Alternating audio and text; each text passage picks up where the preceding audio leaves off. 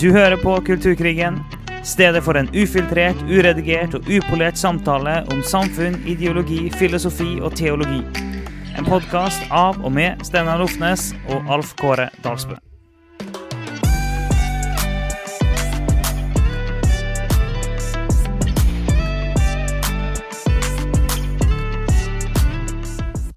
Ok, da er vi klar med en eh, en eh, spennende og kanskje vanskelig, kanskje utfordrende episode. Vi får se.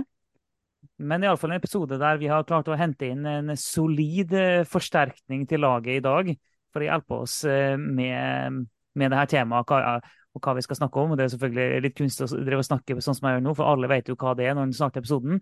Vi skal snakke om Israel, og vi, vi har med oss Vebjørn Selbekk redaktør, sjefsredaktør, det er jo viktig å si, du, du er the big boss, i dagen. Så Det er vi veldig, veldig, veldig glad for. Takk for at jeg fikk komme. Takk for at du vil være med. Du har jo, jeg har både hørt at Dagen har uh, gitt ut spesialpodkast-episoder i forhold til uh, terroraksjonen som var i Israel, og det som har skjedd etterpå og fortsatt skjer. Um, og du ser du òg har skrevet lederartikler uh, flere i dagen om disse tingene her. Og du har jo vært, dagen har jo vært viktig i det med å løfte opp Israel mm. Eh, lenge gjennom hele historien. Um, og det er òg noe som du har mye kunnskap om, Bjørn. Så eh, kunne du tenkt deg å bare prøve å lage et bilde først av liksom bakgrunnen for hele konflikten? Jeg regner med vi må snakke mer om Hamas og sånn, men prøve å gi noen, uh, gi noen linjer bakgrunnen for uh, konflikten uh, som er nå, eller bakgrunnen for hele, for hele Uff, ja, ja, det er det som er så utfordrende. Det er så, det er så omfattende, vet du, så vi må prøve. Men altså, hvis man skal snakke om, uh, om den konflikten som er nå, og avgrense det til det, da, så, så handler jo det om at Israel har en, har en islamistisk terrororganisasjon som nabo. Uh, og en organisasjon som de har trodd man skulle klare å holde i sjakk.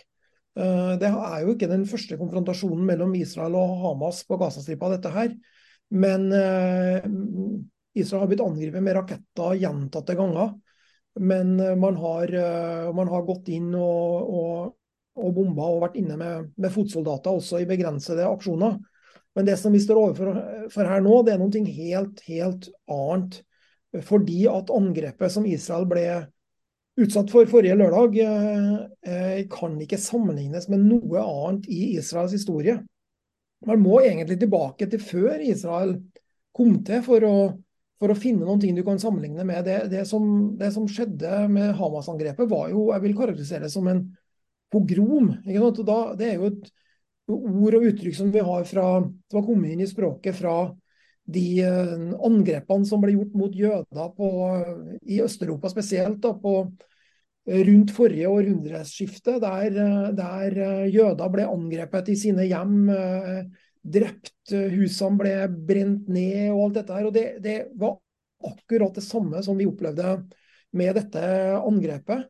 Og det var på en måte en type sånn wake-up call for, for Israel, for det var jo nettopp derfor Israel ble oppretta for å være et uh, trygt sted, et nasjonalhjem for det mest forfulgte folket i verdenshistorien, nemlig det jødiske folket. Det var nettopp for at man skulle slippe å oppleve eh, å bolte dørene sine mens eh, det gikk voldsfolk utenfor og prøvde å bryte seg inn for å utslette jødiske familier.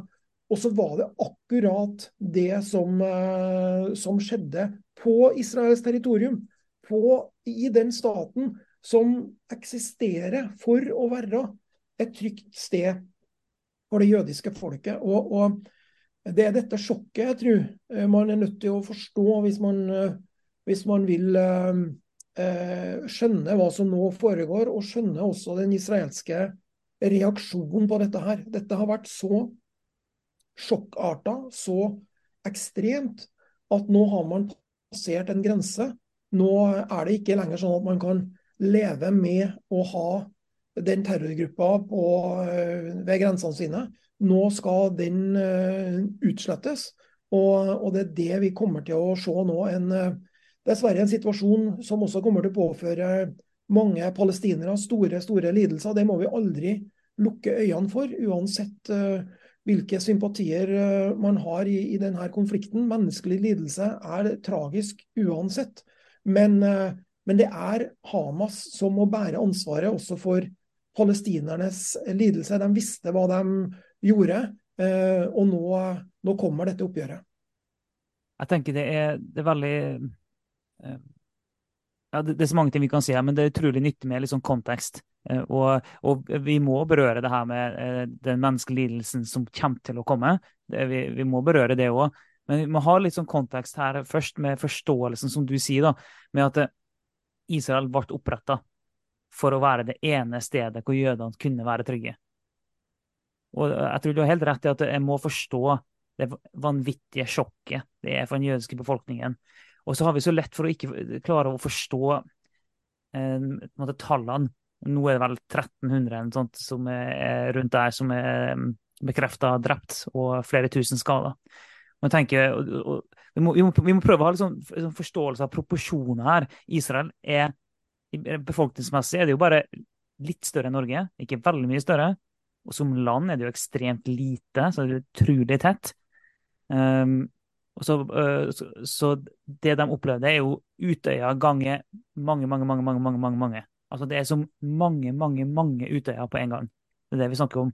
Eller hvis du tar World Trade Center 11.9. Det, det var flere som ble drept den dagen, 3000. Men det er en befolkning på 330 millioner og et helt gigantisk land. Så, så proporsjonalitetsmessig så er det bare sånn Det er til og med eh, det er mange 11. september. Mm.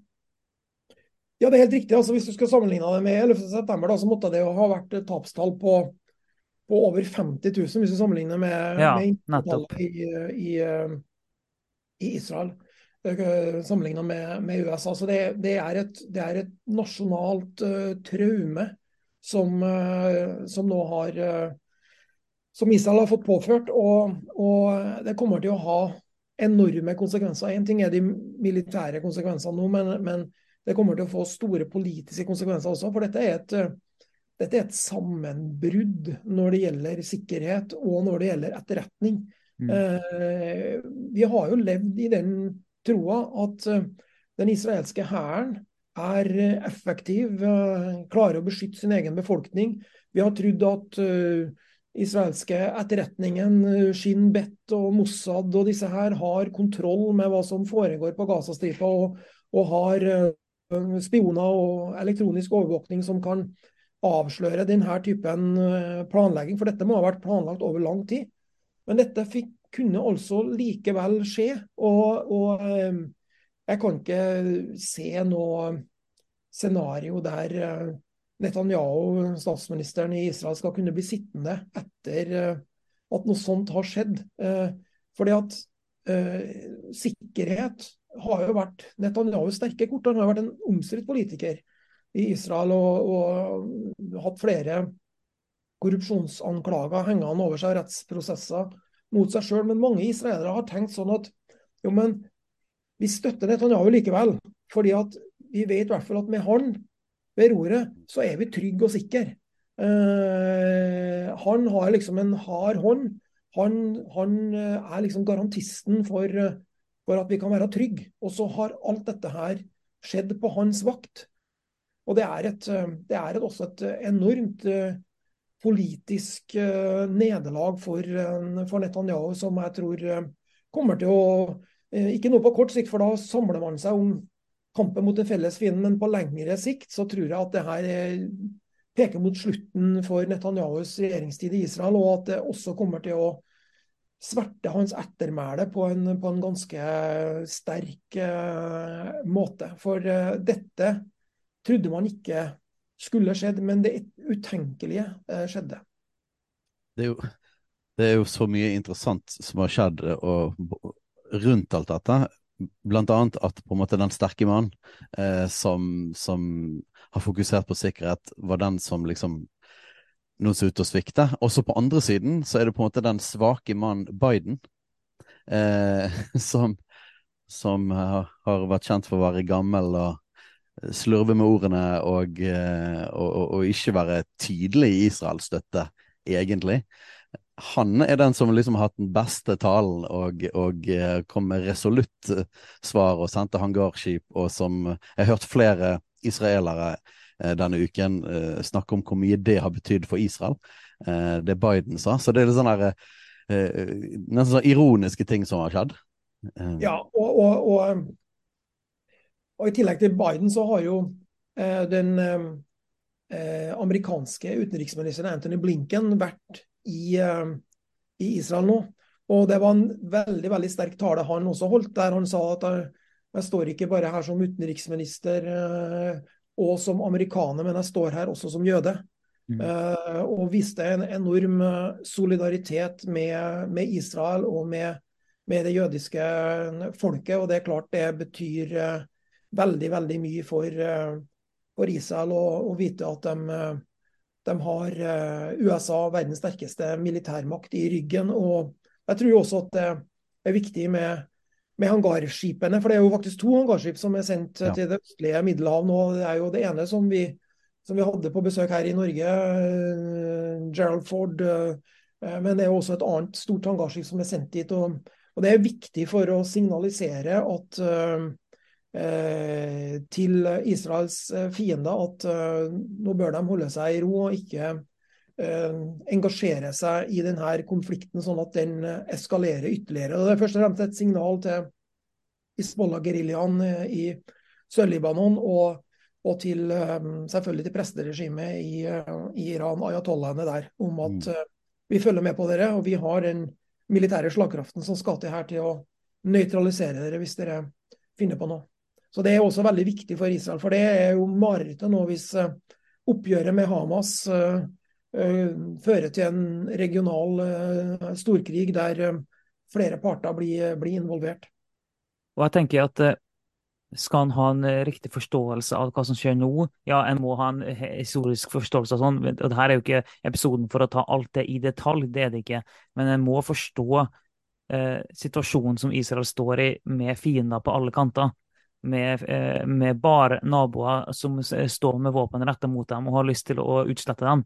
Og så kan du selvfølgelig innvende at okay, det, det, er litt bedre med Egypt nå enn det var. Du kan alltid prøve deg på noe sånt, men likevel så er det sånn at alle landene rundt ønsker at Israel skal utslettes og forsvinne fra kartet.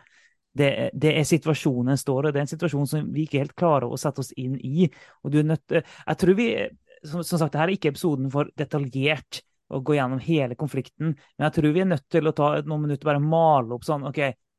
Eh, jødene gikk Jeg hørte tidligere i uka her at eh, jøde, det var et anslag på at eh, før andre verdenskrig så var den jødiske befolkningen på 15 millioner eh, globalt sett. Eh, og den har enda ikke kommet tilbake dit. Nå regnes den til å være 14 millioner. Hørte jeg noen som påstod, jeg har ikke sjekka det, men det var sånn påstander. Og poenget var at jødene fortsatt, først nå omtrent kom tilbake til det antallet de var før første verdenskrig. Nei, før eh, første, uh, andre verdenskrig og holocaust. Så vi bare husker at de holdt på å bli utsletta som folk, og så overlevde de, og så fikk de et land. Ja, og så har det vært ekstremt vanskelig å helt tatt ha det stedet trygt. Og de har blitt angrepet igjen og igjen og igjen og igjen. Og det, det, er jo bakgrunnen for problemet med grensene. Men de har konstant, selv etter at de har nesten blitt utsletta og fått et land hvor de skulle være trygge, så er de likevel i en sånn konstant livstruende situasjon. Men jeg tror vi må bare Kan du prøve deg på en liten sånn kort Hva skal jeg si? en Liten sånn historisk Det er litt, det er litt mye å kreve av deg, men eh, Nei da.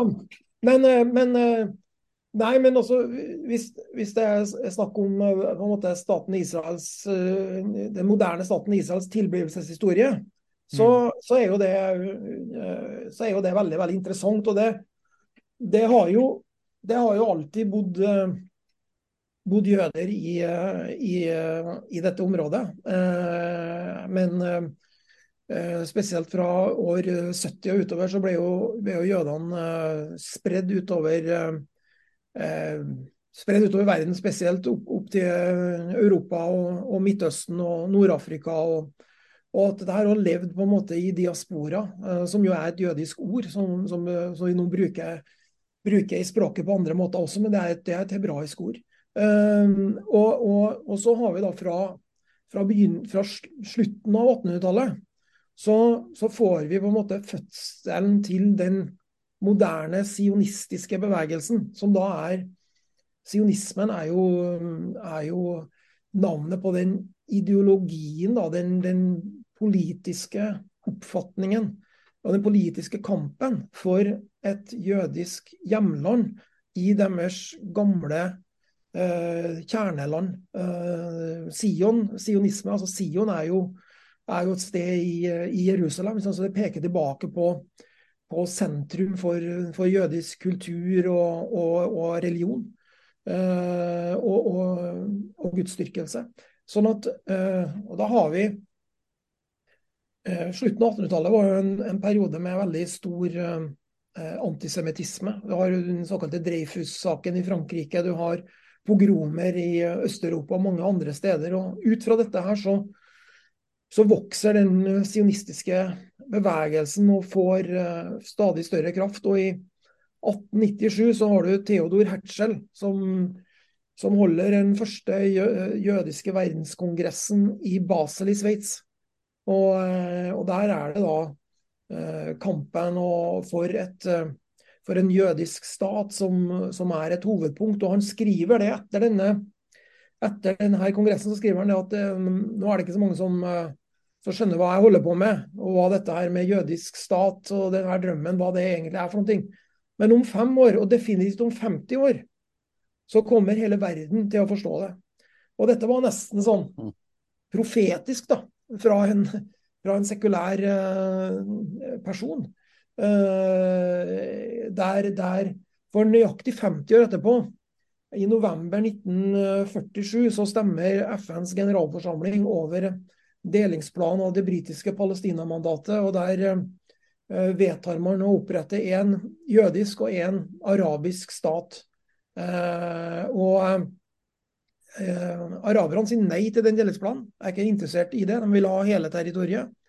Mens jødene sier um, ganske motvillig og tvilende ja til dette her. Og året etterpå, 14. mai 1948, så utroper David Ben Gurion, den jødiske statens første statsminister og leder. Han utroper da eh, staten Israel som grunnlagt, og det gjøres i museum i, Tel Aviv, der eh, denne alvorlige forsamlingen sitter under et bilde, stort stort bilde på veggen av nettopp Theodor Herzl. Og da blir, eh, da blir den moderne staten Israel født, proklamert. Og samtidig som det så angriper eh, sju arabiske nabostater angriper denne nyopprettede staten. Og, og, du får den første krigen, den såkalte frigjøringskrigen, som man kaller det i, i Israel, som, eh, som da eh, er den første av flere kriger. Eh, den mest kjente er seksdagerskrigen 1967 og Jom Kippur-krigen i 1973. Og, men Israel klarer seg gjennom alle disse, disse krigene, og grensene går litt fram og tilbake. Uh, under seksdagerskrigen så erobrer man jo uh, både mm, Golanhøydene uh, fra Syria, man, man erobrer Vestbredden, Gaza og hele Sinaløya fra Egypt. Sånn at man gir tilbake Sinaløya i, i fredsavtale med Egypt. Man får senere en fredsavtale med Jordan på 90-tallet. Og bare de siste årene så har Israel da fått fredsavtaler med både De forente arabiske emirater, Bahrain, Sudan og Marokko. Så, så eh, man kan si at eh, når det gjelder forholdet til de arabiske land, nabolandene, så har, ja, er det en god del ting som har gått på, i, i, rett retning de siste årene. Og da har jo også inntil nå nylig, inntil denne angrepet, så har man jo også forhandla med Saudi-Arabia om en fredsavtale med, med det største eh, arabiske landet som man ikke har noen fredsavtale med, med ennå. Men den avtalen eh, er jo nå helt i det blå pga. de krigshandlingene som nå foregår. Mm. Mm. Så det er jo et land som er født i krig. altså Født både pga. en historie av forfølgelse, altså på en nesten unik historie av forfølgelse overalt der de har vært. Men når det først ble en nasjon, eh, selvfølgelig òg mye var jo arbeidet med det før, men selvfølgelig mye trygg, trigget av holocaust og det som skjedde. så ble jo landet på en måte født i krig. Altså du fiender på alle kanter fra starten av. Um, og det er interessant, du må gjerne snakke litt mer om de fredsavtalene, for de virker jo som at det er et veldig viktig bakteppe akkurat i forhold til dette terrorangrepet. Um, men òg noe som blir begrep som blir brukt hele tiden eh, når man snakker om Israel- og Palestina-konflikten, er jo okkuperte territorier. Eh, og det kan jo være litt forvirrende. Eh, og jeg merker sjøl at liksom disse forskjellige krigene og forskjellige FN-mandat og liksom grensene Hva er det egentlig de snakker om? Um, er, du nevnte altså Egypt. De tok Sinahalløyen og Gaza, så, og så fikk de tilbake Sinahalløyen, altså Egypt. Betyr det at Gaza var under Egypt da, på, ja, på et tidspunkt? Det, det er helt riktig. Og det er veldig viktig å forstå at det har aldri vært noen palestinsk stat. Det, det, det, har aldri vært uh, uh, en, den typen statsdannelse. Og de områdene som man, som man sier da er okkupert, det er viktig å vite hva man da snakker om. fordi uh, Da må vi tilbake til seksdagerskrigen 1967. Da er det altså sånn at den såkalte Vestbredden, den er det Jordan som, som kontrollerer. Eh, altså ingen palestinsk stat, men staten Jordan kontrollerer Vestbredden.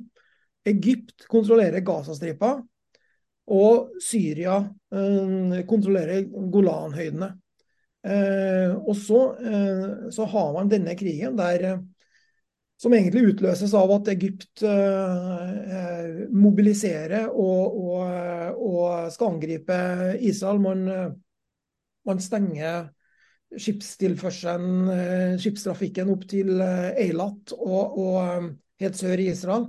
Og, og, det kommer da til en krig eh, mot, mot eh, både Syria og, og Jordan og, og, Egypt, der Israel vinner på alle fronter. Altså det, er en, det er en veldig merkelig krig som er over etter seks dager, der da Israel har har da tatt kontroll over et kjempestort territorium. I tillegg til Gaza og Golan og Vestbredden, så tar man også hele Sinaløya, som er et veldig veldig stort område. Så, så eh, Men ikke noe av dette her var, var noe palestinsk stat. Så spørsmålet er jo da eh, hvem er det i så fall okkupert fra? Eh, og Sinai eh, ga man tilbake til Egypt da man inngikk fredsavtale med, med Egypt i 1979. Og, og Gazastripa var Egypt ikke interessert uh, i, så den forble under israelsk kontroll. Og Det kan kanskje være interessant å snakke litt om Gazastripa og, Gazas historie, i og med at det er, mm. i og med at ja. det er der de store problemene er nå. Så, så Gaza var, egyptisk, var under kontroll av Egypt. Eh, men, men, fra 1967, eh, da under eh, israelsk kontroll. Og det er jo et område som er veldig tett befolka. Gaza by er, en stor, stor, by. Man regner med at i dag bor det 2,2 millioner innbyggere på, en, på, et område som er ja, det ulike måter å sammenligne på, men, men kanskje den mest enkle for oss nordmenn er jo å si at den er like stor som Mjøsa. Altså Gazastripa er like stor som Mjøsa er. Uh, og Det er jo en, ja, det er vår største innsjø, men det er ikke et enormt territorium. Mm. Så, Ga, så, Gaza er ikke veldig stort, men det bor mye mennesker der. Og Israel hadde kontrollen over det her territoriet uh, fram til 2005. Uh, det, da sto det israelske soldater innpå der. Det ble bygd israelske bosettinger på, på Gazastripa. Men i 2005 så fant den israelske statsministeren eh, Ariel Sharon ut at uh, dette her Vi skal trekke oss ut av Gazastripa. Nå skal vi gi de palestinske selvstyremyndighetene kontroll over Gazastripa. Det var inngått avtaler om, om sikkerhet og, og sameksistens. Og, og, så da gjorde man veldig radikale ting. Fordi man det var, altså, det var, jo altså, israelske bosettinger innpå Gazastripa, men Ariel Sharon sa at nå skal vi, de skal vi bare eh, demontere. Og de som ikke vil forflytte seg sjøl, altså jødiske israelske statsborgere, de som ikke vil forflytte seg sjøl, de skal hæren eh, transportere ut. Sånn at det var en, det var en, det var veldig ganske, en hardhendt evakuering av Gazastripa i 2005. Eh, så alle israelere ut, alle israelske soldater. Det første som skjer, er at, er at Gaza-innbyggerne stormer de, de, israelske bosetningene, skjender synagogene og, og, og, alt dette her. Men uansett, Gaza kommer under palestinsk kontroll i 2005. Og etter det så har det ikke vært en eneste israelsk bosetter på Gazastripa. Det har ikke vært stasjonert med israelske soldater der. Og derfor så Når det hevdes at eh, Israel okkuperer Gazastripa, så stemmer ikke det. Og når sier at, man sier at Israel blokkerer Gazastripa, så handler det om noe som skjedde to år etterpå. For to, fra 2005 til 2007 så var de palestinske selvstyremyndighetene som hadde, Nå blir dette teknisk, da, men, men, men det mm. kan være litt viktig for å forstå ja. bakgrunnen Mm. Eh, så Fra 2005-2007 så var Gazastripa under kontroll av de palestinske selvstyremyndighetene. I 2007 så gjør Hamas opprør eh, og tar over kontrollen. Det er en kort borgerkrig da, mellom Hamas og Fatah, som er deres uh, motstandere i, uh, i, i, det palestinske samfunnet. Det er et annet dominerende parti. Det er partiet som Mahmoud Abbas, som noen kjenner til den palestinske presidenten, tilhører det partiet. Det blir, ja, og kanskje enda mer kjent uh, Yasir Arafat? Å... Arafat, Arafat, Arafat, var død da. Uh, Men bare for å koble fata, for ja, skal skjønne hva, hvem de er. Det, det, det, er et veldig viktig punkt. for det, at, uh, det er som du sier, Arafat er mye mer kjent uh, enn Mahmoud Abbas. Så, så, Fatah er Arafats gamle parti. Det, det er bra påpekt, for da, det hjelper folk til å, til å, plassere det. Så da er det en kort borgerkrig. 160 blir drept. Hamas for å gjøre en lang historie kort, Hamas tar over kontrollen på Gazastripa, sier opp alle avtaler som er eh, inngått med Israel, og begynner å bruke dette territoriet som en rakettutskytningsrampe mot Israel. Altså dette tett befolka området. Eh, der det plasserer vi rakettutskytningsramper rundt omkring. Eh, våpensystemer rundt omkring i boligfelt og alt mulig sånn og så skyter vi mot Israel. Og Det har vi drevet på med siden 2007. Og, og som nevnt tidligere, så har, har, det vært flere trefninger. Det har vært flere Israel har gått inn på stripa uh, flere ganger, bomba, uh, nettopp for å hindre å bli beskutt. Uh, og, men, men, det har vært begrensede aksjoner, og, og, noe helt annet enn det vi står overfor nå, som, der, der Israel har sagt at nå er målet å knuse Hamas. Nå, nå, man kan ikke lenger leve med å ha en sånn terrororganisasjon uh, så tett innpå Israels territorium, som, som bruker uh, sitt territorium som oppmarsjplass for en av de verste terroraksjonene som, som verden har sett i moderne tid. Og så må det sies sånn, ja. ja, bare, bare kjøp oss den Steinar. Nei, for, tilbake da, for å oppsummere litt sånn av Gazas historie. For det, det er veldig interessant å, og på en måte løfte de tingene fram. Så, så Gaza tilhørte egentlig Egypt sammen med Sinai-halvøyen.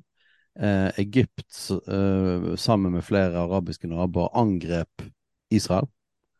Eh, og som en del av forsvaret eh, mot Egypt så ble det tatt en del, en del områder. Det er jo òg et interessant poeng bare i det hele det okkupasjonsbegrepet. da. Eh, så er det jo vil jo jeg si at det finnes en etisk forskjell på å gå inn og okkupere som Russland gjør i, i Ukraina. Altså du angriper et, et, naboland og du tar territorium. Eh, og at du sjøl blir angrepet av naboer. Og i konteksten av det vinner du krigen, og du klarer å opprette på en måte en slags sikkerhetssone, da inn på de, de angripendes territorium. Altså det er en, det er en, en annen uh, Har en litt sånn annen flavor, da. Uh, men, men, så har jo det vært arabere som har bodd i området, og da Hele historien om det palestinske folk er jo uh, minst en episode i seg sjøl, for det er jo på en måte noe som er blitt til mer og mer. en palestinsk identitet, og den har vel kommet i stor grad av konflikten òg, og det er jo kanskje ikke så rart heller. altså En sånn konflikt skaper jo si, mer, mer uh, identitet. Um, men, men, så spørsmålet mitt jo, blir jo litt sånn Hvorfor eh, hvorfor vil ikke Egypt ha tilbake igjen Gaza, og, og, hvorfor er de nå med å blokkere? For det er jo interessant. Én ting er at Israel gjør det, eh, og det har jo sine grunner, da, men, men hvorfor vil ikke Egypt åpne opp grensene den veien, og ja. Ja, det er et veldig veldig godt spørsmål. og det er jo, det er jo også sånn at jeg tror den jevne nordmann tror jeg egentlig ikke vet at uh, Gaza har en grense mot Egypt. Man tror det liksom at, uh, at, uh, at Israel At Gazastripa ligger inni Israel. og, at, og at det er på en måte at Israel, sånn som Odd Karsten Tveit, NRK reporteren sa at Gaza er eh, verdens største fengsel, et fengsel som fangevokterne skyter inn i. Eh, det er ikke riktig, for Gaza grenser både til Israel, ja det er den lengste grensa, men også til Egypt. Og Egypt er de er arabere. De er, der er islam den dominerende religionen, så de er et broderfolk både religiøst og etnisk. Men likevel så har altså Egypt eh, holdt grensa si mot eh, Gaza stengt. De har også vært med på blokaden, for øvrig sammen med både EU og, og USA, eh, etter at Hamas tok over makta. selv ikke Egypt ønsker eh, å ha eh, noe spredning av denne typen tankegods, eh, ekstremt islamistisk tankegods som Hamas-bevegelsen står for. De ønsker ikke å ha eh, eh, å ha en, en, stor flyktningstrøm fra, fra Gaza eh, inn, i, eh, inn, i, Egypt. Og de ønsker ikke på en måte eh, terror og sånt på sitt eget territorium. Derfor så, så holder også Egypt grensa si stengt. og Det er et veldig viktig eh, poeng. da, eh, at man kan snakke om den palestinske folket og, og, og den palestinske folkets lidelseshistorie, for det er det. Men de som har svikta palestinerne mest, det er jo deres egne brødre i den arabiske verden. Eh, de som skulle være det nærmeste til å, til å støtte dem, det er jo eh, dem som har svikta dem mest. Og, og, det ser vi jo tydelig nå med forholdet mellom Gaza og eh, Egypt. Ja, for dette er det ingen som snakker om. Jeg har ikke sett noen avis snakke om det. Jeg tenker at Hvis verdenssamfunnet skulle altså hvis man skulle, For at man, man snakker jo, og forståelig så snakker man om på en måte hva er Israels ansvar inn, inn, inn i Gaza, og hvor harde hardt gjensvaret skal være. og Man snakker snakket mye om de siste dagene om strøm og vann og de tingene der. Men det forundrer meg litt at på en måte, hvorfor er det Det virker ikke som det er et internasjonalt press på Egypt på samme måten til å hjelpe Gaza fra den siden. Um, så det er bare et interessant element i hele, hele denne pakken. Ja, mm. det er det. Ja, for at, uh, ja, det, det, det, spiller egentlig bare litt, uh, litt videre på akkurat det, med at uh, at Anniken Huitfeldt som fordømmer blokaden av Gaza, f.eks. Og da fordømmer Israels blokade av Gaza. Så er det, er det, ikke bare Israels blokade. En ting er jo selvfølgelig Egypts grense, men så som du nevner, at det, det er jo andre òg som er med på det her. Så det er, det er, en det er ikke sånn at det bare er Israel som mener at det er nødvendig med denne typen blokade. Og det må også sies at, at okay, ja, den kom både fordi det var skutt masse raketter inn i Israel, men det har jo hatt ganske mange busser som har blitt sprengt, sjølmordsbombinger osv. inne i Israel som en direkte konsekvens av det Hamas har drevet på med. Så det er jo i selvforsvar at denne blokaden har blitt innført. Og sånn, ja, det er riktig at det er gjerder og murer og det er eh, sikkerhetsmekanismer rundt hele Gaza. Alt er jo sant, men det er jo en grunn til det. Ja, den, den grunnen så vi jo um, både til gjerdene og til, og til blokaden så vi jo nå den 7. oktober uh, med det angrepet. Altså, man snakker om at uh, Gaza har vært hermetisk lukka og alt det der. Ja, de har i hvert fall fått inn flere tusen raketter som ja. de kan skyte mot Israel. Så det er jo, det er jo uh, heller grunn til å spørre om ikke den blokaden burde ha vært enda eh, tightere. Sånn at man ikke har fått muligheter til å, til å ta inn våpen. Altså det, man har blokkert nettopp for å hindre det som skjer nå. Humanitær hjelp har hele tida kommet inn på Gazastripa. Eh, men man har innført en blokade for å hindre et ekstremistisk islamistisk styre eh, i å eh, bruke sin egen befolkning som menneskelig skjold når man skyter raketter mot sivilbefolkninga i Israel. Og Det eh, mener jeg er, en, eh, helt, det er helt legitimt å, å, innføre en blokade mot et sånt styre, uh, når man vet hva, hva, de bruker våpnene sine til. Og så er det klart at nå når det er, når det er en uh, når denne konflikten er, og Israel skal, skal, inn på Gazastripa for å knuse Hamas, som de sier, så er det jo klart at det er at det kommer til å skape masse menneskelig lidelse på den palestinske sida. Det mener jeg er veldig viktig å, å ikke lukke øynene sine for det òg. At mm. det er et mareritt eh, for det palestinske folket der inne. Eh, de har eh, mange sivile liv har allerede gått tapt i, i den israelske bombinga for å ta ut uh, rakettkapasiteten til, til, Hamas. Og uh, alle de menneskelivene som går tapt der òg, de, uh, de, er like mye verdt, dem. Så det, og det, det, er kjempeviktig å være klar, å, å være klar på det. Det er mm. ikke noe, Man sitter ikke her og har noen sånn hardhet og sier at det er bare det er bare de livene som går tapt på én side som er verdt noe. Nei, det, det, det, er like mye verdt på, på alle, på alle sidene, begge sidene her. Men det er Hamas som må ta ansvaret også for den egne befolkningas lidelse. Det er dem som har satt i gang dette her. Det er dem som, de, og de vet veldig godt hva de gjør. Og de vet veldig godt at uh, setter man, planlegger man og gjennomfører man et sånt angrep, så kommer det en israelsk respons. Det kommer til å bli bomba. Uh, det kommer til å bli en israelsk invasjon. Og det er dette Hamas ønsker seg. De ønsker en så uh, hard konfrontasjon med Israel som mulig. De tenker ikke på sivile, verken på israelske sivile som går tapt, eller på sine egne eh, sivile som lider. De er, de er, bare interessert i en, i en størst mulig konfrontasjon.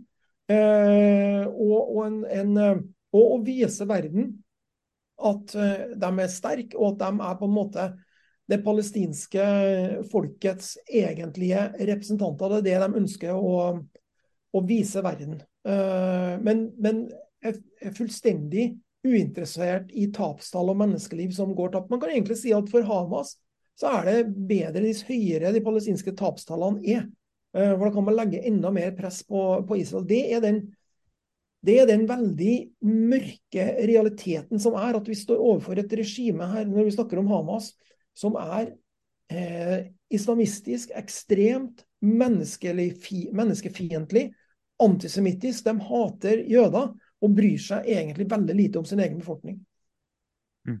Ja, det jo, og det er jo det som er, når man dykker litt ned i liksom, hvordan er det å være en sivil person på Gaza, så er det på en måte riktig at man er i et slags fengsel, da. Og, og, men det er jo òg ved, ved, sitt eget regime og sin egen historie. Altså, man vokser opp med generasjoner eh, med både hat, men òg historier sant? Av, av familier som er blitt drept. Alle har nok sine, sine historier og sine ting, så du på en måte vokser opp i en historie av eh, smerte, opplært hat, eh, og en ideologi.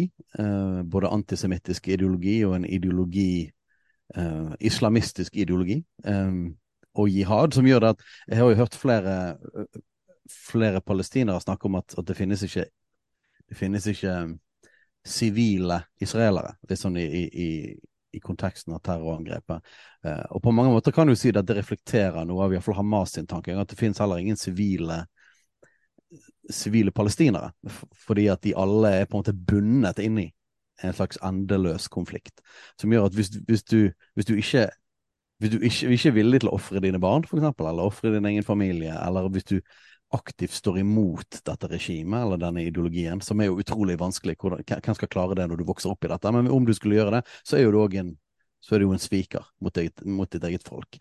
Sånn at du er jo, Vi snakker jo her et, et folk som er fullstendig bundet inni dette. her. Eh, som, I en slags umulig situasjon.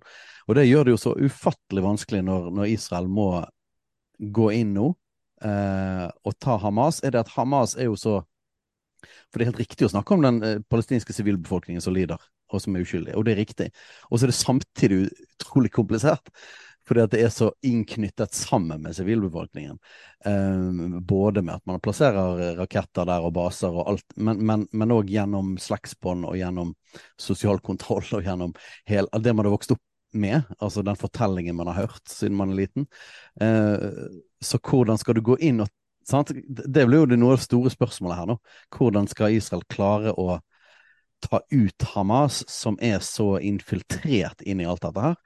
Um, og det er ikke sånn at det er masse alternativer. For det første har de demokratisk støtte, uh, i den grad du kan snakke om det uh, når du vokser opp et sånt sted.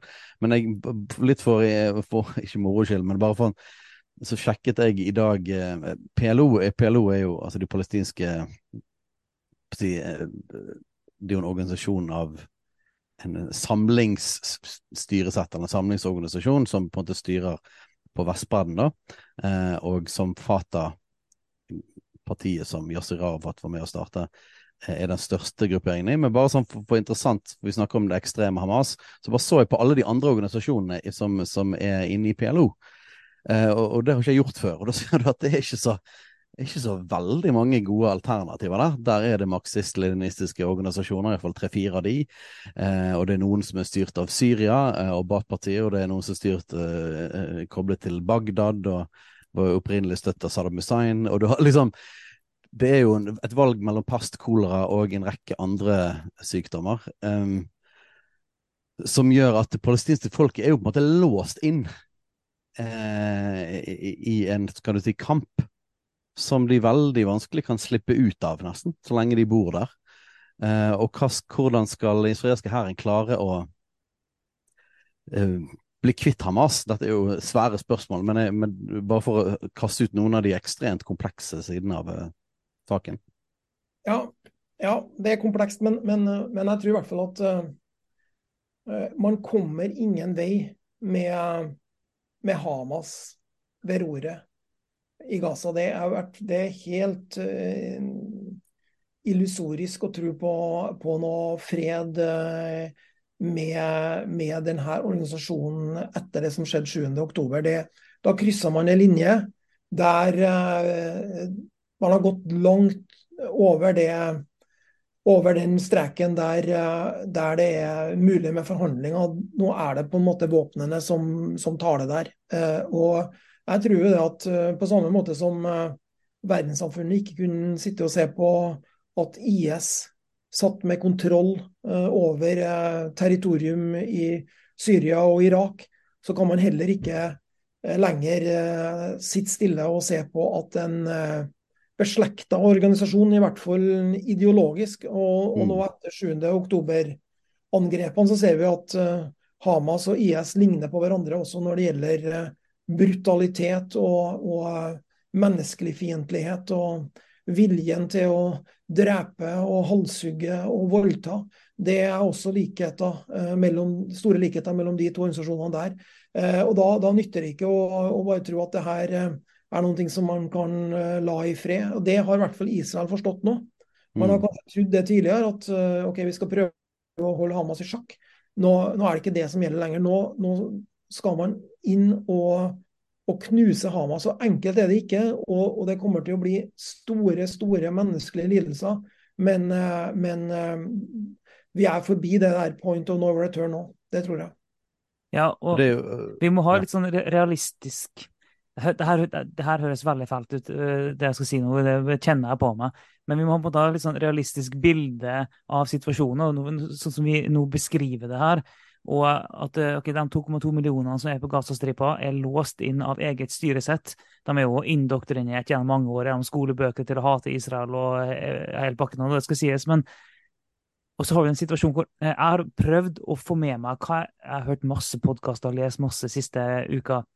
Prøve å forstå liksom, hva, hva sier andre også, ja, og folk som tenker helt annerledes enn meg om hele den konflikten her.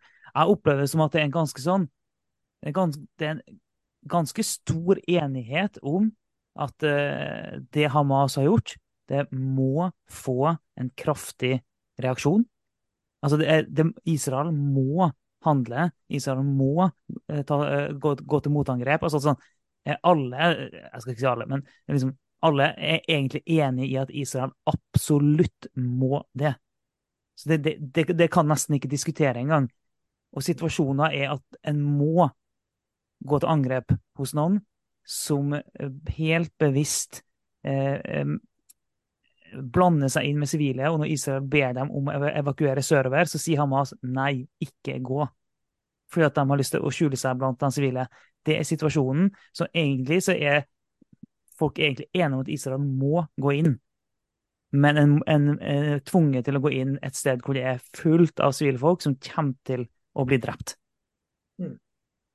Ja, det, det, de, det er de bitre realitetene. Men, men uh, det er jo, hvis du trekker parallellene tilbake til 11.9.2001, som vi snakka om tidligere her, så var det jo også sånn at når, uh, når disse terrorangrepene kom mot USA, så erklærte USA krig mot terror. Og det medførte jo en invasjon av Afghanistan. Fordi Afghanistan var det landet som husa og hadde gitt fritt leide til, til Osama bin Laden og, og Al Qaida. Eh, og det var, det, det var, deres territorium som ble brukt som oppmarsjområde og planleggingsområde for denne terroren. Mm. Og da, da, da, ble det krig der.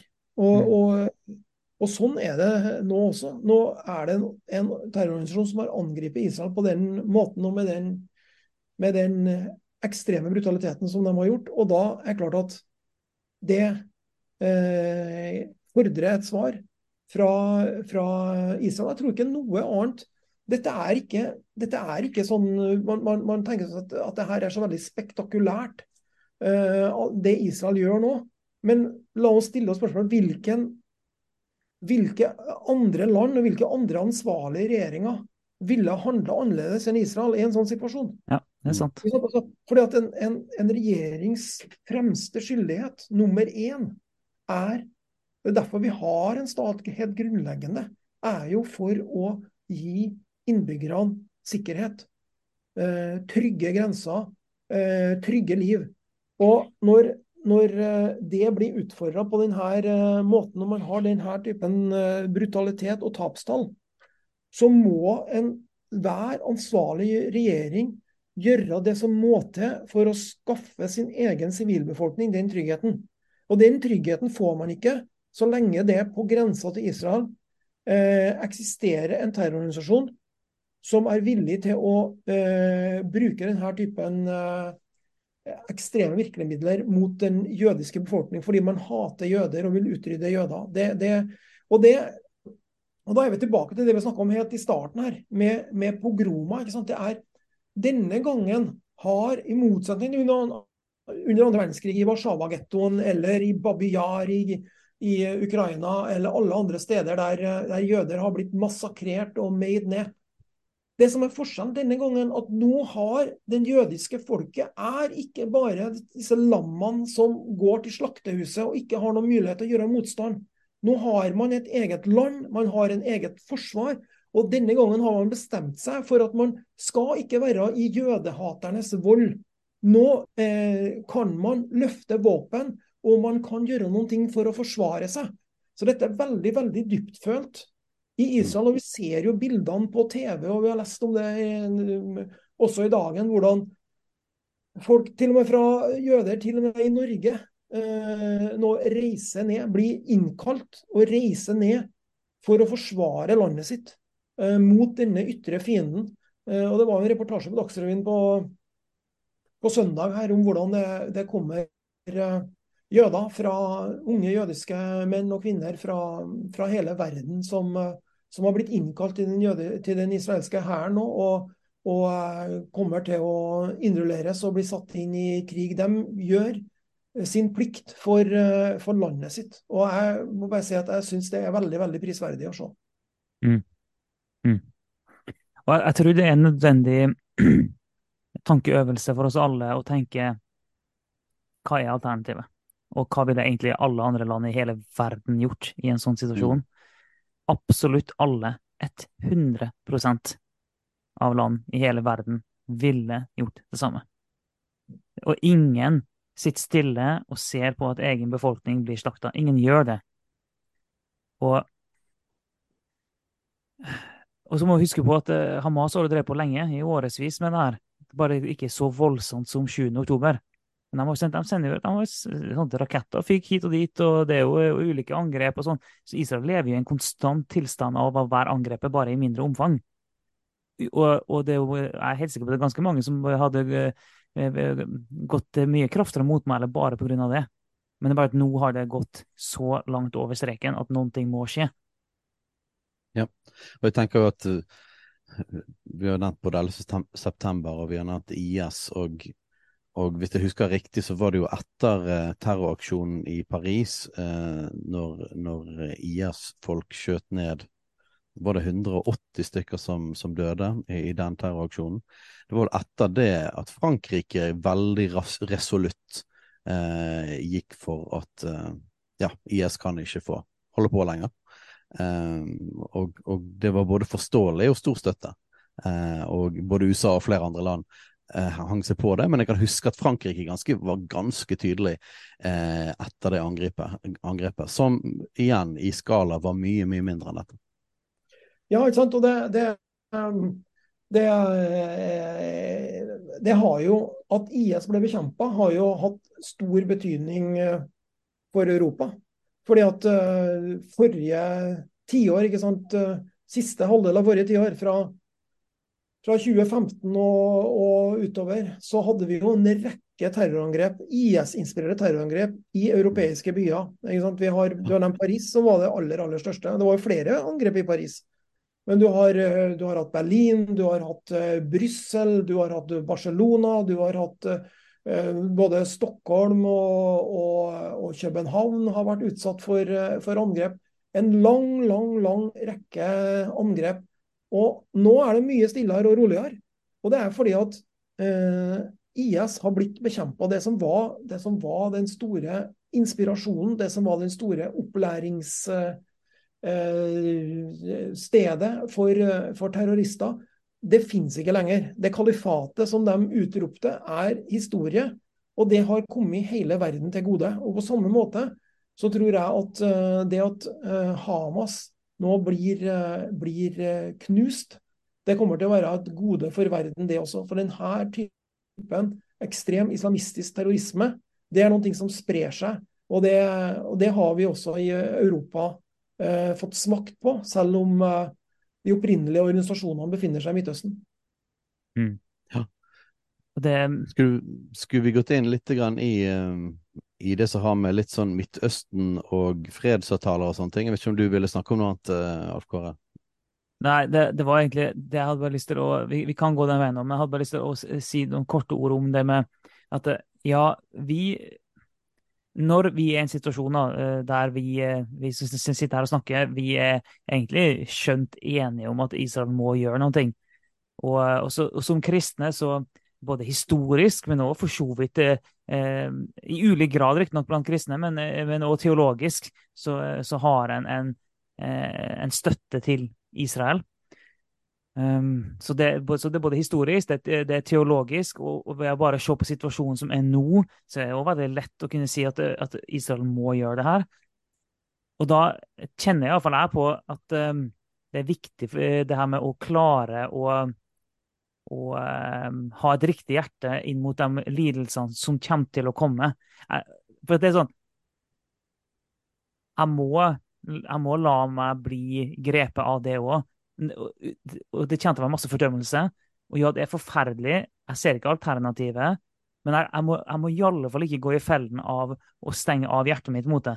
Og, og late som om at det ikke er ja. viktig, eller late som at det er greit. Liksom. Nei, det er ikke greit. Det, bare, det, det finnes bare ikke noe alternativ. Det, det, er ikke greit, det er ikke bra. Sånn. Eh, så jeg tror det er viktig da, at, vi, at vi som kristne eh, passer på hjertene våre i en, ja, neste ukene da, med alt det som kommer til å komme. Og vi vil sikkert få lyst til å forsvare at Israel går inn. Sant? Og, og da må det gjøres på riktig måte. For det, her er vanskelig, men eh, ja.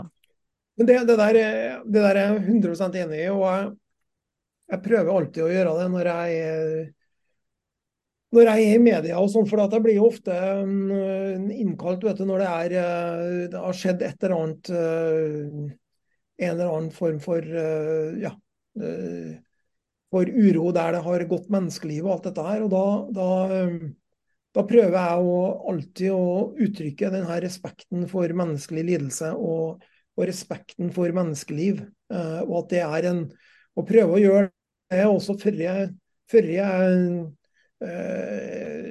før jeg på en måte argumenterer uh, heftig, som det jeg mener at det er viktig å gjøre også for, for Israels sak ofte. da. Men, men, men, det er veldig viktig at man ikke får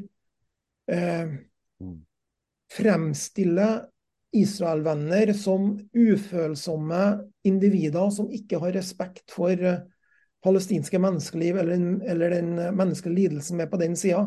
Det er kjempeviktig. Eh, så det må vi alltid gjøre. Eh, og, og jeg prøver alltid å legge vekt på det. da. Mm. Ja, og, og, det er jo noe, noe av dette med å gå en høyere vei. sant? Og, og det er jo noe av fokuset vårt i denne podkasten er å tenke, kristent. Eh, hvordan, hvordan, responderer en kristen på dette? Eh, og så Der ligger det en sånn kjerneting. da, Den respekten for, for menneskelivet uansett. altså vi Menneskelivet er hellig og ukrenkelig. Vi er skapt i Guds bilde, alle sammen. Og, og, kanskje noe av det er jo noe av det som man reagerer veldig kraftig på når det har vært en del pro-palestinske demonstrasjoner rundt omkring i verden over denne uken, der man eh, fra andre siden, da, for, til forsvar for på palestinernes lidelser, eh, går over den grensen eh, og eh, enten sier at det ikke skjedde noen ting, det har jo til og med den palestinske ambassadøren i Norge eh, sier at dette er israelsk propaganda. Det er jo ganske drøyt. Eh, og, eh, og, så er det en del folk som sier det at ja, det har kanskje skjedd noe, men det er overdrevet. Og, og jeg hørte, hørte, noen demonstranter som ikke hadde engang hørt om, om, om lidelsene inne i Israel. Helt til dette med at ja, det har skjedd, men det har en veldig god forklaring om at man unnskylder det. Eh, og så hadde jo disse her eh, variantene av eh, Black, Black, Lives Matter i, i, Chicago som postet et bilde med, med palestinsk paraglider, sant, så, som, som, var jo de som kom inn og skjøt alle disse på denne her rave-festivalen. Eh, så er jo et ganske sånn drøy ting å si. Og så hadde du i Sydney, så var det eh, roping sant, om 'gas the juice', 'gas the juice'. Eh, og da har du jo nettopp, eh, bare liksom inn i denne konteksten her, da, denne her eh, Man kan ikke, det er helt uakseptabelt for en kristen, eh, uansett hvor, hva side man står på, hvem man sympatiserer med, å gå så langt at man ikke altså, man ikke har medlidenhet med menneske, menneskeliv. Um, og vi kan, gjøre, vi, vi kan, ikke gå så langt, da. uh, så, så, i respons til de som roper 'gas the juice', som er jo helt, uh, altså helt sånn grusomt at det skal være mulig å gjøre i 2023 uh, eh, i et vestlig land. Så på samme måten så må jo vi da passe oss da, for å ikke bli så bitre mot, mot den palestinske saken at vi, at vi på en måte dehumaniserer de. Mm. Så, så, det er en utrolig sånn der, et sånn viktig område da, å holde sånn hjertet sitt varmt i og holde tankene klare. Ja, det, det, det er jeg helt enig i, og det er jeg glad for at dere uh, legger vekt på. også. Det, det er svært sentralt. Mm. Uh, det, jo, det, er jo òg et litt sånn uh, interessant bakteppe som du touchet innom. vi har jo både Iran her, og så har vi disse forskjellige fredsavtalene som har vært gjort med arabiske land, og den store da, med Saudi-Arabia, som de var godt i gang med. Og mange sier jo det at det er stor sannsynlighet for at det for at både palestinerne sjøl og Hamas, men òg Iran, har store interesser i å ødelegge for den. Eh, kunne du forklart litt mer hva alle disse fredsavtalene, hva det betyr? Ja, det, det, det er jo på en måte nå, for nå har vi snakka om veldig mye mørke ting her. ikke sant? Mye, mye problemer og, og, og, sånt. Men noe av det positive som skjedde i Midtøsten de siste årene, har jo nettopp vært tilnærminga mellom Israel og deres arabiske nabostater. Eh, de tidligere nevnte Abrahamsavtalene som, eh, som ble inngått eh, med fire nye eh, arabiske land her eh, for, eh, for, tre år siden, var veldig, veldig viktig. Eh, og som du nevner, det store, store har jo har jo vært forhandlingene med Saudi-Arabia. Du kan bare tenke på hvor hvilken eh, signaleffekt det hadde vært eh, med en frihetsavtale mellom Israel og Saudi-Arabia, mellom fødelandet til Muhammed og til Jesus Kristus.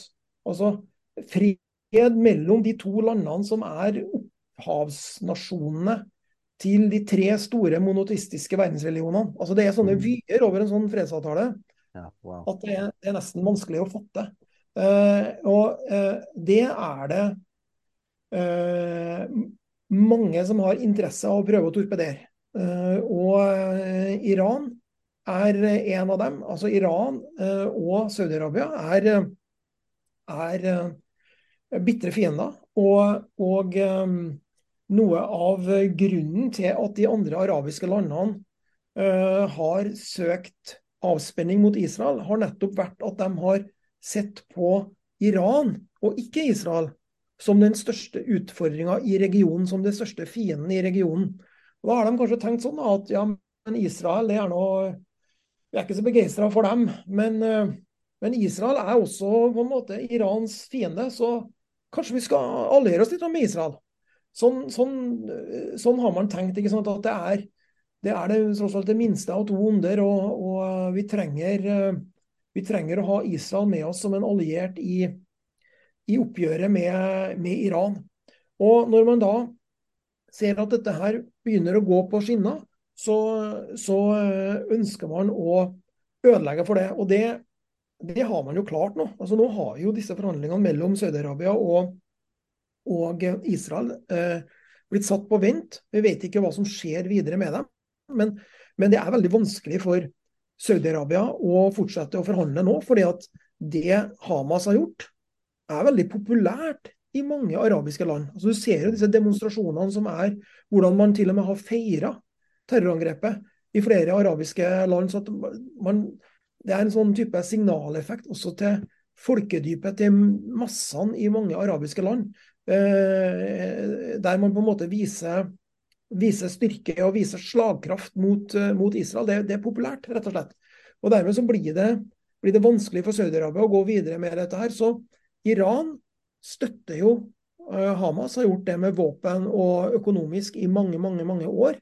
Og der har de en, en felles interesse av å ødelegge for, for de her fredsavtalene. Og det, det ser det ut som det allerede har skjedd. Vil du forklare litt om, om eh, koblingen mellom Hamas og Iran? Altså, sånn Ideologisk sett så, så det er jo en underlig ting, dette her. Du har sunni-islam og shia-islam. Og, og eh, Hamas er jo en sunnimuslimsk eh, gruppe, mens teknisk sett så IS hatet jo eh, Iran, sant? Og, um, så, så her er det litt sånn komplisert. Hvorfor er Hamas støttet av, av, Iran, og hva er den koblingen der, egentlig? Nei, det, det handler jo om at man, ja, man finner man ikke, man har ikke helt den samme tolkningen av islam. Men man finner hverandre når det gjelder det ekstreme hatet mot Israel. Og fra Iran sin side så er det jo, tenker man bare sånn, hvordan kan vi destabilisere Israel mest mulig? Ja, vi bruker uh, Hamas. OK, de er sunnimuslimer, de er ikke shia som oss, men det får spille en underliggende rolle nå. Det viktige her er å støtte dem med våpen og med, med penger, sånn at de får uh, fortsette sin kamp mot, mot, Israel. Og fra Hamas sin side tenker jeg vel også sånn at penger stinker ikke. Det er, ja, de er, de er shia-muslimer, disse, disse iranerne, men, men våpnene deres tar vi gjerne, og den økonomiske støtten tar vi gjerne. Og så, så er det jo en, Så det er som du sier, det er litt sånn ulogisk religiøst at de skal samarbeide. Men når det gjelder den andre store organisasjonen som befinner seg på grensa til Israel, og som, som er en trussel mot Israel, nemlig Hizbollah, de er inn i sør i Libanon. De er, de er shia-muslimer, akkurat som de er i, i, Iran. Så der finnes det også et, en enda tettere sånn religiøs kobling mellom, mellom regimet i Teheran og, og Hizbollah i Libanon. Så på mange måter er jo, er jo det som har skjedd nå, en, en, en seier for Iran. Um, og så vi får jo se hva som skjer med Hamas, da. Jeg, jeg håper jo at man klarer å, å, å, fjerne Hamas og hele kraften de har. Um, men, men, for Iran så har jo ikke det så mye å si, så lenge det, det styrker deres uh, posisjon i Midtøsten. Um, og, og, det diskuteres jo litt fram og tilbake nå hvor, hvor mye har Iran vært involvert? De benekter selvfølgelig det. Um, men en del folk sier det at dette angrepet var såpass sofistikert at man tviler på at Hamas kan ha klart dette på egen hånd uten at de har fått mer sånn direkte trening av Iran. Ja, det, det, det kan være mye som, som, tyder på det. og Så får vi se hva, hva, hva slags etterretningsinformasjon som, som, kommer, og hva slags etterretningsinformasjon som blir kjent. da. Det er jo, mm. eh, det er jo en veldig tilspissa situasjon nå. Mm. Så, eh, så jeg tror førsteprioriteten fra USA er nok ikke akkurat nå er nok ikke å fortelle nøyaktig hva som har foregått her, men å holde Iran utenfor den direkte konfrontasjonen her nå. Uh, og det har jo, Iran har jo sagt at hvis uh, Israel går inn på Gazastripa, så skal vi involvere oss. Sånn at det er jo en, uh, det er jo en trussel, det også. men jeg syns jo også sånn at det, det, angrepet var så eh, godt planlagt. Eh, og, eh, og de våpnene som man brukte, og droner og forskjellig, det jeg syns det virker mistenkelig at de skal ha sittet der i, i, Gaza og helt på egen hånd og planlagt dette her, altså. Men, men eh, der, eh, der har vi ikke der har vi ikke det hele og fulle bildet ennå. Men det viktigste er at uh, nå på kort sikt at Iran holder seg uh, utenfor denne mm. konflikten. For ellers så, ellers så det en, kan det bli en regional uh, storkrig her, og det, det, må vi virkelig håpe å unngå. Mm. Mm. Det, vi vet jo virkelig ikke hvordan det her vil utvikle seg videre, og, og vi pleier jo ikke å tidsstemple innspillingene våre. Eh, det prøver vi ikke å gjøre, men det her er jo, er jo spilt inn mandag 16.10 på dagtid. Uh, og det er og det, nettopp fordi vi ikke aner hva som skjer mandag kveld, tirsdag, onsdag, torsdag videre, så er vi faktisk nesten nødt til det. For vi aner ikke om det er ting vi sier nå som vil Altså, det, meste vi sier nå, står seg, men det er ting vi kanskje burde ha snakka om. Uh, så det, det, er jo, det her er rett og slett en situasjon hvor vi er nødt til å si når vi spilte inn, på grunn av at alt kan skje, og det kan skje utrolig fort. Og vi går jo egentlig bare og venter på at Israel skal gå inn på Gaza. Ja, det tror, jeg, det tror jeg kommer til å skje i løpet av veldig uh, kort tid. Jeg ser, jeg ser ikke noe annen, uh, noe annen løsning på det, på det nå. Og, og, Nå står jo de israelske styrkene klar der, og det er jo begrensa hvor lenge man kan, kan stå så stridsklar uten å, uten å gå inn. Så, men det kan hende at det, at det skjer ting med, med gislene. Kanskje er det noen forhandlinger med, om gislene der inne som ikke vi kjenner til, som på en måte forsinker den, den militære aksjonen. Det, det, er, det, er, mange spørsmål som svirrer i lufta nå, som de nærmeste dagene vil bringe større klarhet i. Mm. Ja, men det, dette har vært utrolig bra, eh, Bjørn. og å høre deg prate. Vi har faktisk klart å dekke ganske mye på denne korttiden. Uh, er, det noe, er det noe du tenker i forhold til oss som kristne? Hvordan, ja, hvordan skal vi tenke, hvordan skal vi respondere på dette? Uh, har du noen, uh, noen oppfordringer til, de som lytter inn mot denne konflikten? Jeg tror det må, må være det vi snakka om her med, med, med, dette med respekten for menneskelig lidelse. For det, Eh, det er så viktig at man ikke eh, med rette eh, får fremstilt kristne Israel-venner som ufølsomme mennesker som ikke bryr seg om palestinernes lidelse. Og jeg syns du sa det veldig bra her, når du snakka om hvordan den andre sida tilsynelatende bryr seg veldig lite om, om de forferdelige terrorhandlingene, og at mennesker blir drept. Vi, vi skal i hvert fall bry bry oss om eh, mennesker på begge sider. Vi, vi skal håpe at eh, tapstallene blir så, lite, blir så små som mulig, og at sivile i størst mulig grad blir eh, spart. Det må, det må, være, det må være det kristne håpet i dette her. Og så må vi, eh, og det kan vi gjøre samtidig som vi er realister og, skjønner, og både skjønner og støtter at Israel er nødt til å respondere på dette her, og at verden bli et bedre sted uten uh, terrororganisasjonen Hamas som en uh, trussel både mot Israel, men, men egentlig også mot uh, alle frie mennesker. Mm. Ja, og da fikk du bare nevnt helt på slutten en siste ting jeg tenkte, at nå har til og med Jonas Gahr Støre erkjent at Hamas er en terrororganisasjon, ikke bare en organisasjon som gjør terrorangrep. Eh, så da har vi liksom fått slått det fast. Eh, og det er klart at de, de ordene betyr noen ting. Sånn. Eh, det er klart at når, når, når, han sier det, da Riktignok var det litt ullent det han sa òg, da, men hvis en skal begynne å pirke i det, men greit nok. Han det... sa det var ferdig snakket etter hvert, iallfall. Så. ja. Eh, men det har noe, grunnen til at de tar opp det, er at det, det handler om altså disse begrepene og hvordan, det, det handler om hvordan vi ser hele situasjonen. og Det, det handler om ja, hva, hva, rett Israel har til å gjøre det de gjør. Um, så, men uh, dette har vært utrolig bra, Vebjørn, å, å få inn din, uh, din, kunnskap, og at du har fulgt dette her såpass lenge. Det hjelper oss veldig å tenke, og det, og det tror jeg det hjelper lytterne våre òg.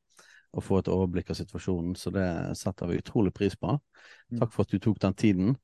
Og så hadde det vært veldig kjekt å prate en annen gang litt mer om kulturkrigen generelt, og, og både ting som du har vært inne i, eh, både Mohammed-karikaturer og dagens rolle og sekularisering og liberalisering i frikirkeligheten. Det er masse å ta av, så, ja, så det, det hadde vært veldig kjekt på et, på et annet tidspunkt, Vebjørn.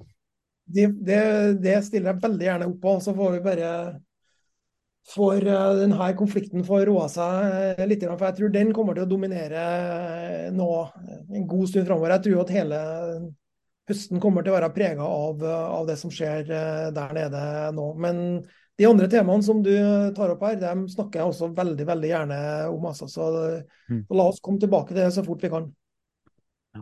Da har vi, da har vi en, en, stående avtale på tape. Så det ja. Nei, men tusen takk, Bjørn. Vi setter stor pris på det. Takk for at du var Så det er et godt sted å lande denne episoden her eh, på nå. Så da sier vi det sånn. Så høres vi neste uke.